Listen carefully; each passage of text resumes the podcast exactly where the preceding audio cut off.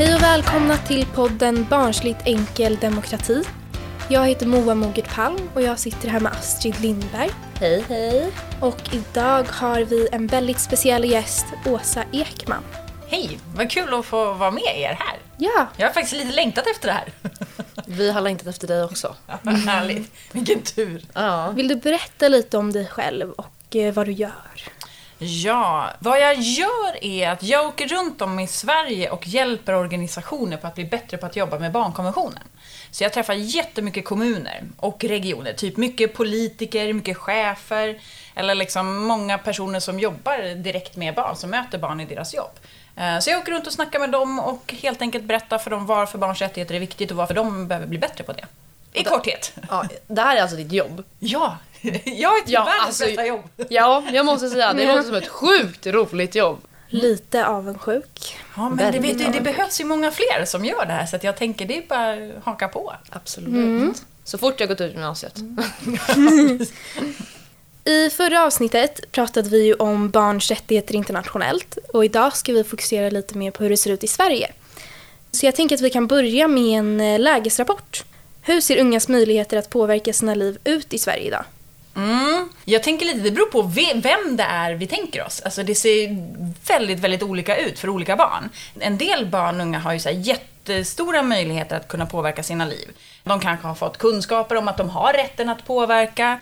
De kanske har vuxna runt omkring sig som hjälper till med det och som liksom introducerar dem. De kanske har vuxna som lyssnar, till exempel en rektor eller en lärare eller en socialsekreterare som är jätteduktiga på att lyssna och fånga upp. Medan andra barn och unga kanske aldrig ens har hört talas om att de har rätten att göra sin röst hörd. Och det kanske inte alls finns vuxna som stöttar eller liksom, kanske inte finns ett ungdomsråd eller en, kanske inte finns någon runt omkring liksom. Och då blir det ju väldigt svårt. Du berättade om hur det finns eh, olika barn som har eh, olika möjligheter till att påverka eller till att göra sin röst hörd. Vems ansvar är det att se till att de vet om att de har en röst som kan bli hörd? Det är ju alltid vuxnas ansvar. Alltså barnkonventionen finns ju egentligen till för barn, men det är ju genom vuxna som det liksom blir möjligt. Så det är alltid vuxna som ska liksom ta ansvar för att barn får kunskaper om sina rättigheter, men också att de kan använda sig av dem. För det spelar ju liksom ingen roll om jag har fått, alltså om jag har fått veta till exempel att jag får påverka, men sen så finns det andra vuxna som hindrar det. Då är ju inte det liksom barnets eget fel, utan det är alltid vuxna som har ansvar. Vilken vuxen tänker du på då? Ja, det beror lite på vad det handlar om. Om man ska så här, prata så här, generellt så är det ju alltid typ staten, alltså regeringen som har det här yttersta ansvaret. Men alla vuxna runt omkring barn har ju ett ansvar. Det är ju liksom föräldrarna eller vårdnadshavarna som har ansvar för liksom barnets rättigheter i familjen till exempel. Och om det inte funkar, ja men då kan ju liksom kommunen i form av så socialnämnd och socialtjänsten komma in och stötta och ha ansvar. Så det beror liksom lite på vart, vad frågan handlar om. Men alltid är det vuxna. Det är aldrig barns ansvar att liksom se till att de får sina rättigheter. Det är vuxna som ska göra det. Finns det någon vuxen tror du som, som inte behöver berätta för barn att de har en röst? Eller finns det någon gång som, som det inte benämnas? Bra fråga. Eller i något sammanhang. Nej men då tänker jag så då behöver vi ställa den här motfrågan då lite så här. Vilka saker är det som inte påverkar barn? Idag eller i framtiden? Och än så länge så har jag aldrig mött någon som kan komma på en fråga som inte påverkar barn på ett eller annat sätt. Och därför så tänker jag ju att då måste det tillfalla alla vuxna.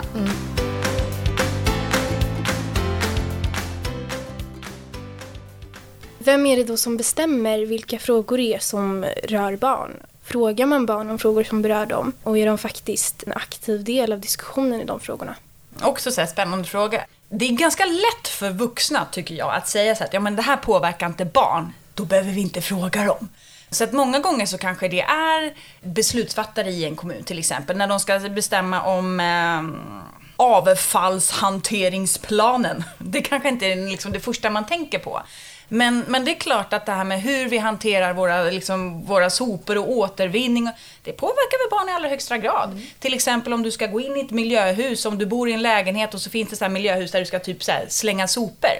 Om du som barn ska slänga sopor och inte kan se till exempel vad skyltarna, om det bara står med text till exempel, eller om det finns bilder, eller kan du komma in. Det påverkar väl barn i allra högsta grad. Så att vuxna kanske tar den enkla vägen. För att om man då säger att jo men det här påverkar barn, då säger ju barnkonventionen att vi måste fråga barn. Och det kanske eh, inte alltid att vuxna är så himla bra på. Om det är någon plats som jag som barn upplevt att jag inte har så mycket av en röst så är ju det i kommunhusen eller i riksdagen eller jiriara. Utan den rösten som jag har känt att jag har är ju mest i andra sammanhang som idrottstillfällen eller i skolan där allt som bestäms om direkt handlar om mig. Ja men och så är det ju ofta. Mm. Så jag kan också, många unga som jag möter säger ju så att ja men de gångerna som vi får veta någonting om olika beslut som fattas. Ja men det är till exempel när politikerna har bestämt att fritidsgården ska läggas ner eller skolan ska läggas ner. Då får vi veta det, men då är det ju redan för sent. Och det är det här som det är så himla viktigt att vuxna då tänker så att, okay, på vilket sätt påverkar det här barn? Inte tänka om det påverkar barn, utan snarare på vilket sätt gör det det? Därför att om de då kommer fram till att ja, men det påverkar ju barn och unga, ja men då måste de ju hitta sätt att fråga barn och unga mm. också. Bara barn och unga som kan svara på hur det faktiskt är att vara barn i Sverige idag. Mm. Det kan inte vuxna svara på. Men hur har barn varit med och utvecklat barnkonventionen? Inte alls! det är det här som är så himla fascinerande. Att barnkonventionen är den enda, eh, liksom det här enda internationella dokumentet som är skriven för en målgrupp och inte tillsammans med en målgrupp. Till exempel om jag jämför då med kvinnokonventionen. Det är som att säga att män skulle ha skrivit kvinnokonventionen. Nu är det vuxna som har skrivit barnkonventionen. Jag tänker mig att barnkonventionen hade kanske sett ut på ett helt annat sätt om barn hade varit med också. Det hade innehållit massa, massa mer saker. Godis varje lördag.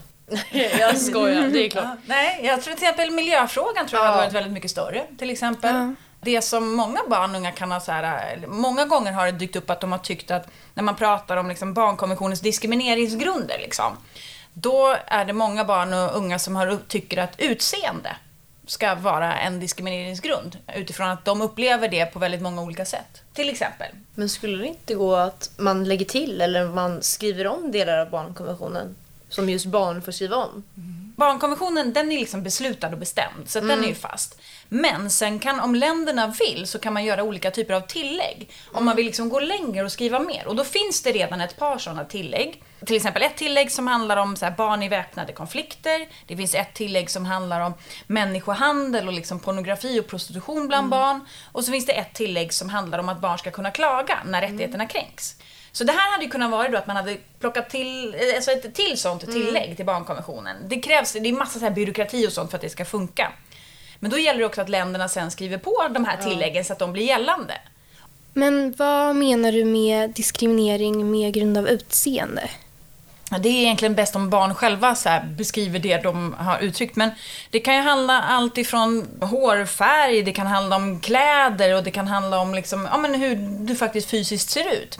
Eh, barnkonventionen har en diskrimineringsgrund som handlar om ras eh, och så vidare, men, men inte just själva utseendet. Och, och, det är någonting som, ja, men jag tror att det bästa är kanske barn själva får beskriva vad de menar med det. Men det är liksom massa olika saker om hur du ser ut helt enkelt. Att man, de upplever att en blir så orättvist behandlad på grund av hur en ser ut. Mm. Nu pratar vi lite om eh, tillägg till barnkonventionen och ett av dem är ju barns rätt att klaga. Visst är det så att Sverige inte har skrivit på det tillägget? Precis, så är det. Och då tycker jag alltid att vi behöver då ställa oss den här liksom följdfrågan. Vad är mina rättigheter värda om jag inte kan klaga när de kränks? Eller om jag liksom inte kan få någon form av ursäkt eller upprättelse när någonting har gått fel? Men nej, Sverige har inte skrivit på det här tredje tillägget. Och varför? Men det finns egentligen kanske ingen bra svar på det, utan det är såklart det är regeringen som behöver mm. svara på det. Men det inofficiella svaret tror jag är lite att de har haft fullt upp med att göra barnkonventionen till lag. Plus att vi inte har den här traditionen i Sverige. Men, men det här tycker jag det är ju avgörande. Alltså det är självklart måste Sverige skriva på det här tredje tilläggsprotokollet. Så är det bara. När du är ute och pratar med barn och unga om deras rättigheter och om barnkonventionen, vilka svar brukar du få? Eller hur brukar reaktionerna vara från barn? Det är lite olika såklart, men väldigt, väldigt ofta så upplever jag att eh, barn och unga kan bli lite förbannade faktiskt.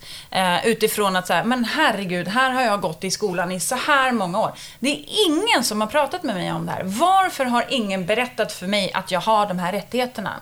Så jag kan uppleva att man både blir så förbannad, men ibland också ganska uppgiven och liksom ledsen i att varför? Alltså, hallå, nu har jag gått nästan hela, mitt, hela min barndom och ingen har berättat det här. Tänk vad jag hade kunnat gjort på ett annat sätt. Jag hade kunnat protestera mot det där. Jag hade kunnat sagt till rektorn så här. Jag hade kanske kunnat våga stå upp för mitt så här, idrottsintresse eller fritidsintresse gentemot mina föräldrar eller vad det nu kan tänkas vara. Så att, barn och unga liksom vill ju veta det här så att man kan bli stärkt i det. För jag kan ju också få höra de gånger som man har så fått jobba med barn och unga under en längre tid i att hur stärkta de har blivit i att få kunskapen om sina rättigheter. Där liksom till exempel en person berättade ganska nyligen om att ja, men det var så himla skönt för sen då när jag hade det här mötet med rektorn, då kunde jag säga så att ja, men vet inte du att i barnkonventionen, har inte du läst den? Där står det ju faktiskt det här, jag har ju rätt till det här. Du kan inte bara säga nej här. Någonstans att den kan bli stärkt i att den får kunskap om sina rättigheter också. Du sa ju att eh, det är alla vuxnas ansvar att berätta för barn att de har de här rättigheterna.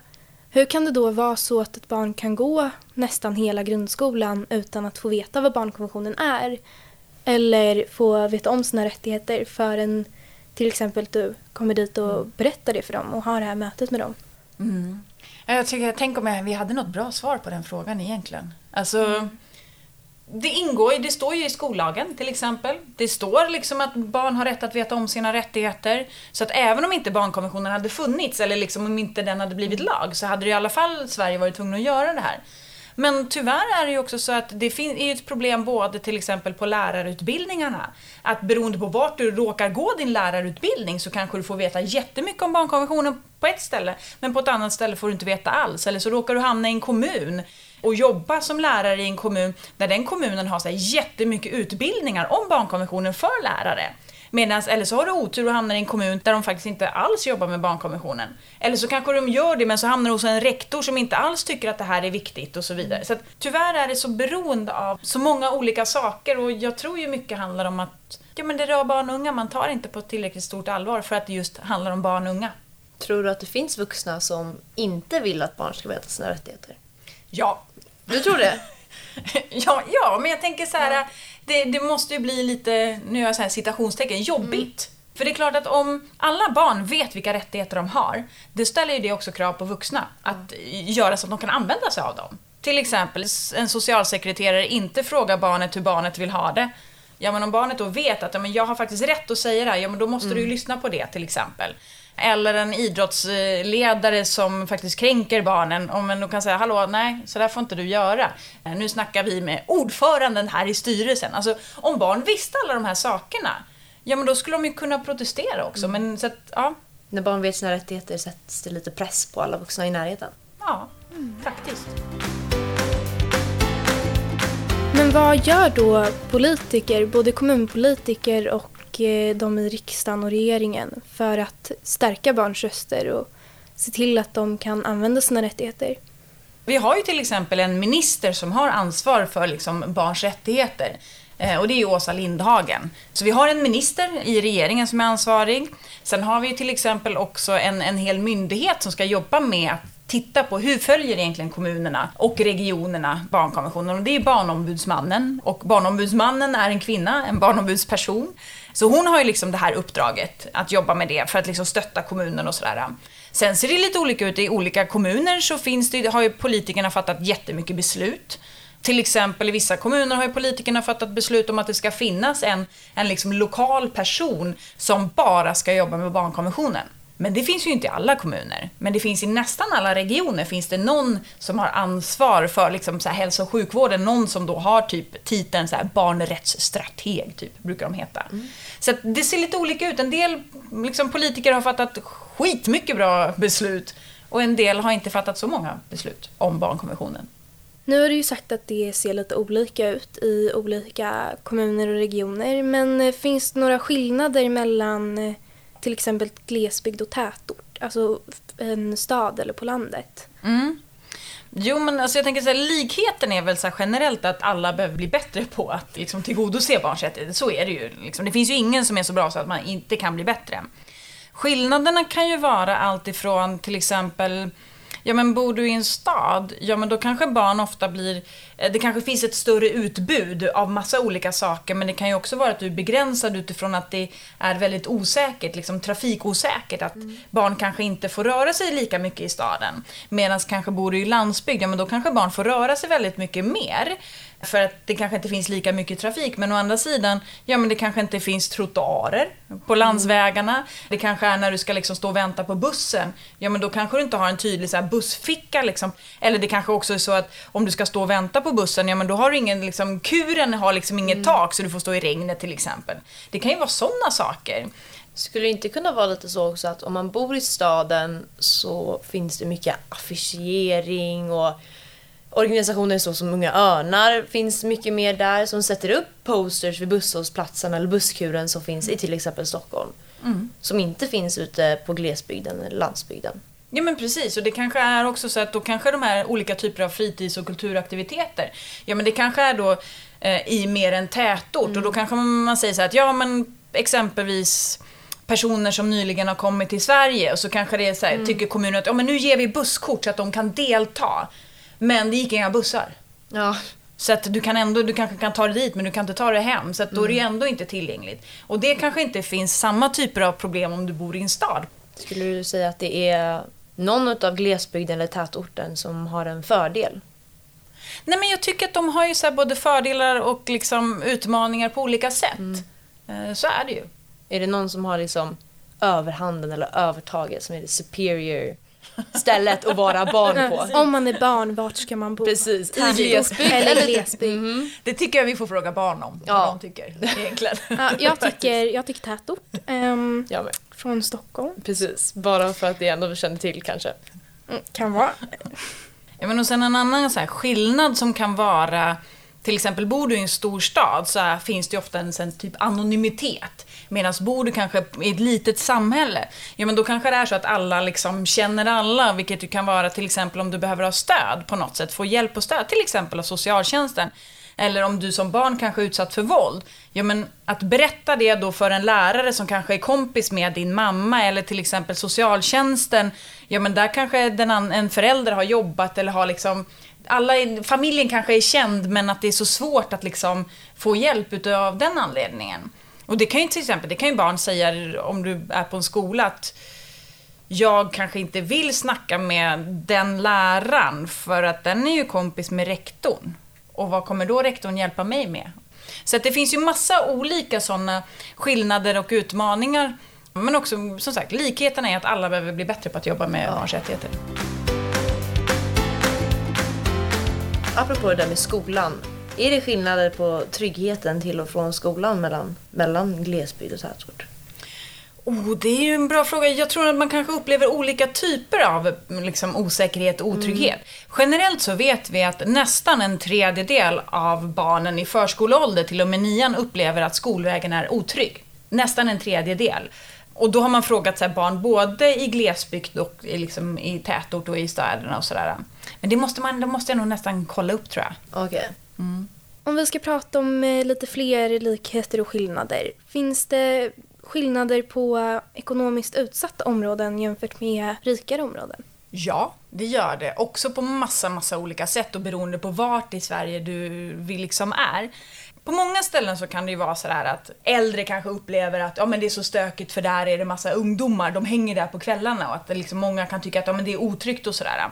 Till exempel i ett ställe i, utanför Göteborg så var det ett sånt här köpcenter där det var många då som hade tyckt att det hade varit otryggt. Det hade varit lite så här vandalisering och lite skadegörelse.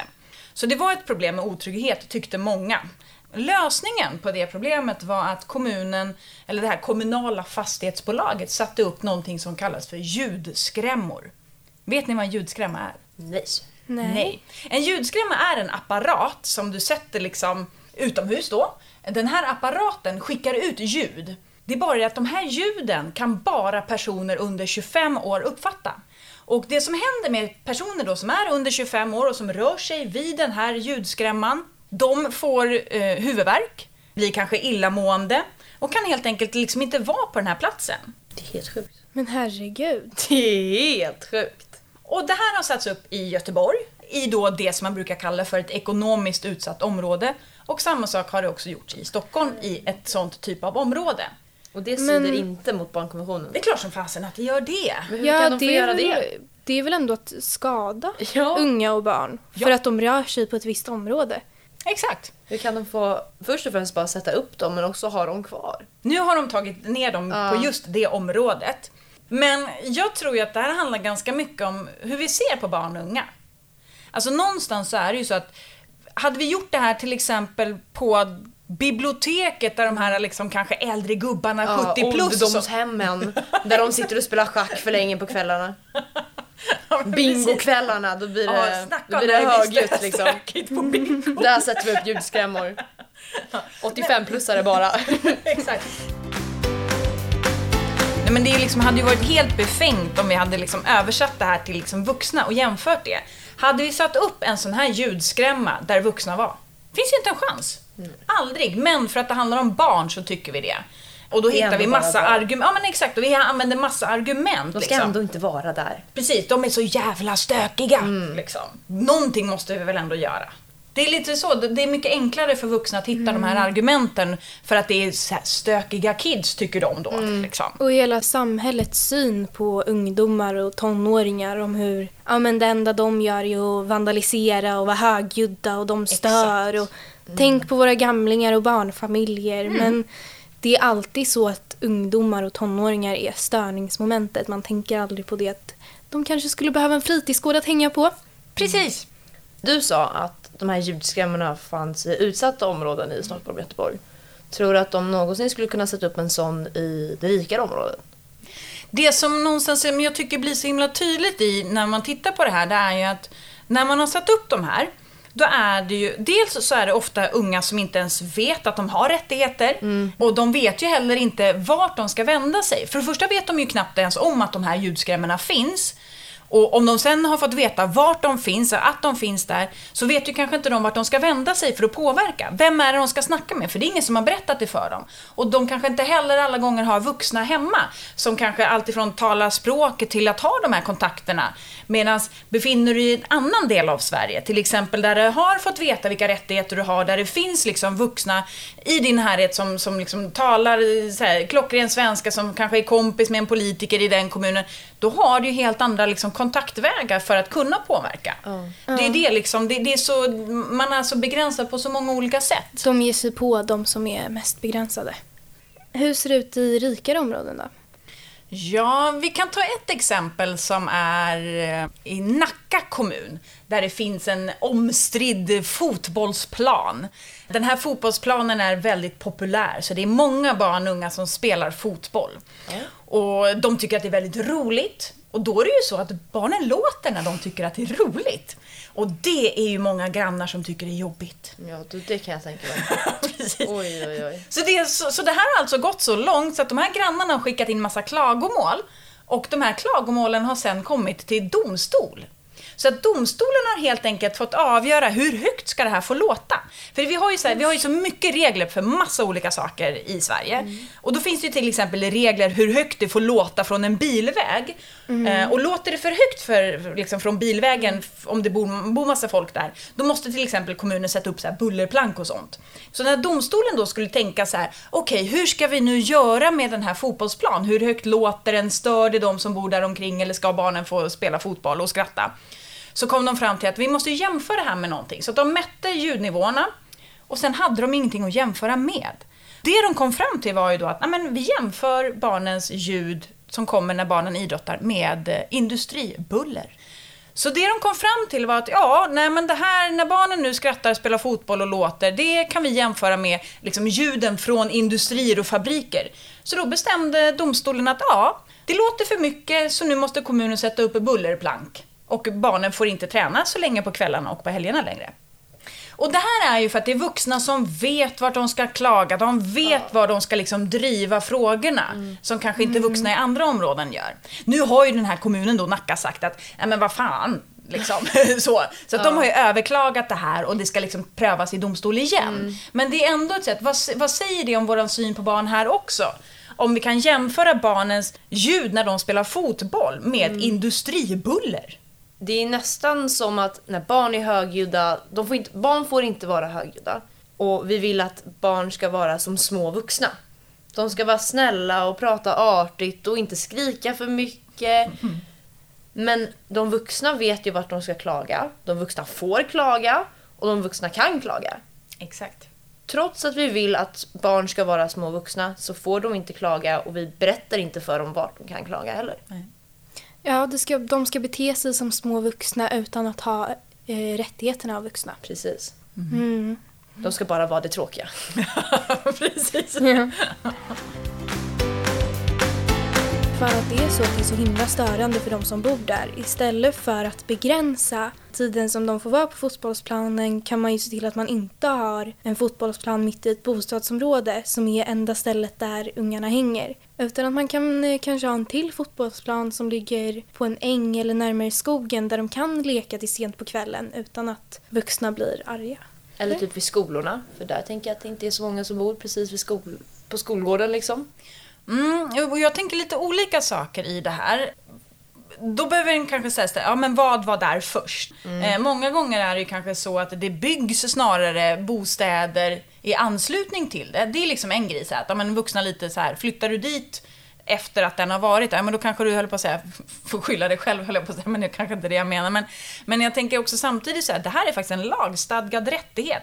Varje barn i Sverige har rätt att faktiskt leka, använda sig av så här, rekreation, delta i det kulturella och konstnärliga livet som sa. Alltså varje barn har rätt att till exempel spela fotboll, eller och utöva någon form av idrott. Men tydligen bara på vuxnas villkor. Ja men, ja men lite så. Och jag tänker så här, ja, men hur ofta, vilka möjligheter har barn när vuxna tar både plats och låter? När det byggs parkeringsplatser och parkeringshus där det istället skulle kunna vara en lekpark. Någonstans så måste vi jämföra här också. Barn är ju beroende av vuxna på så himla många olika sätt och är begränsande. Allt annat i vårt samhälle är ju byggt för vuxna. Så att jag tycker lite så här att, ja men eh, vilka konsekvenser skulle det här få? Om det nu skulle visa sig att den här då domen får stå sig. Tänk vilka konsekvenser det kommer få för barn runt om i Sverige. Ja. Alltså tänk varenda kommun där det är någon som bara, nej men vänta lite här nu, nu, nu kan de måste de ha matcher på söndagar? Söndag morgon, fasen jag har ju fest på lördagar brukar jag ju ha. Alltså när man tän- tänk liksom vilka konsekvenser det skulle få. Eller alla barn och unga som kanske har gått i någon form av så kulturaktivitet och som ska köra uppvisningar ute på torget och så har man så här belysning.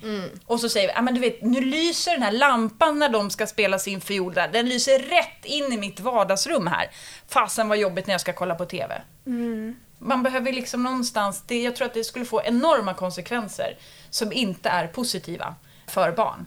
Eh, vi kan liksom inte låsa in barn. Eh, och att de ska vara tysta och snälla och inte liksom låta någonting överhuvudtaget. Hallå, det är människor liksom. Ja. De ska låta.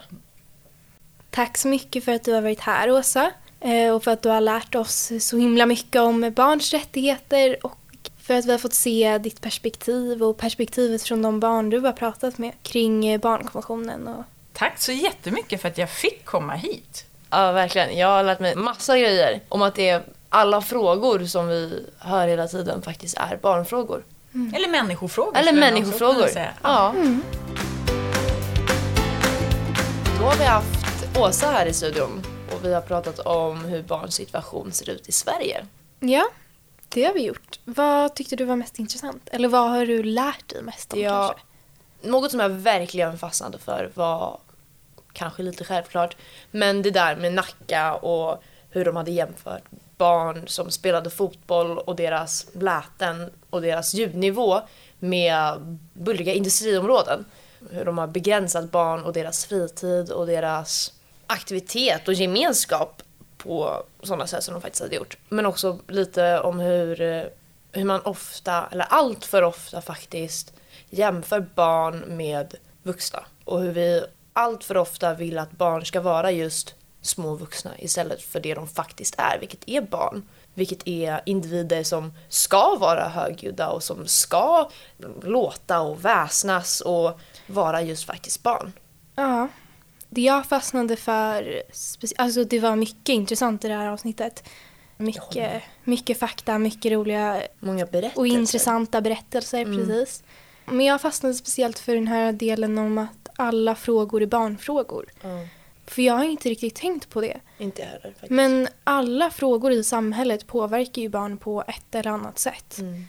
För tidigare har jag uppfattat barnfrågor som hur ska skolmatsalen se ut? Eller Ja. vad ska vi ha för lunch i skolan? Som vi snackade om förra avsnittet. Om, eller om eh, hur parken ska se ut. Ska det vara en rutschkana eller ska det vara gungor? Ja, och Det- det är ju inte alltid som man frågar barns åsikter i sådana frågor. Och Mm. ännu mer sällan i andra frågor. Precis. Som typ så här, hur ofta pratar man med barn om... eh, Ja, men hur ofta lyssnar vi på barn när det kommer till miljöfrågan? Mm. Där faktiskt barn och unga är väldigt långt före Mm. eh, vuxna. Det är, det är, om någon så är det ju faktiskt barn som är de mest aktiva i de här frågorna. Och det är tonåringar och unga. Ja, precis. Och så fastnar jag såklart också för den här eh, synen på ungdomar Mm. och synen på barn. Och hur allt är gjort från ett vuxenperspektiv. Mm.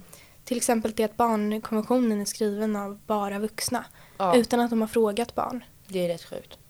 Och också, jag är lite fundersam på, för vi pratade lite om de här tilläggssatserna. Jag är lite fundersam på hur, hur man får igenom en, eller hur man ens kommer upp med en. Och om barn nu har möjlighet till att göra en sån här tilläggssats, varför vet ingen det? Ja, Jag hade ingen Precis. aning om att inte ett enda barn satt med och skrev barnkonventionen. Och jag hade ännu mindre aning om att barn faktiskt skulle kunna lägga till.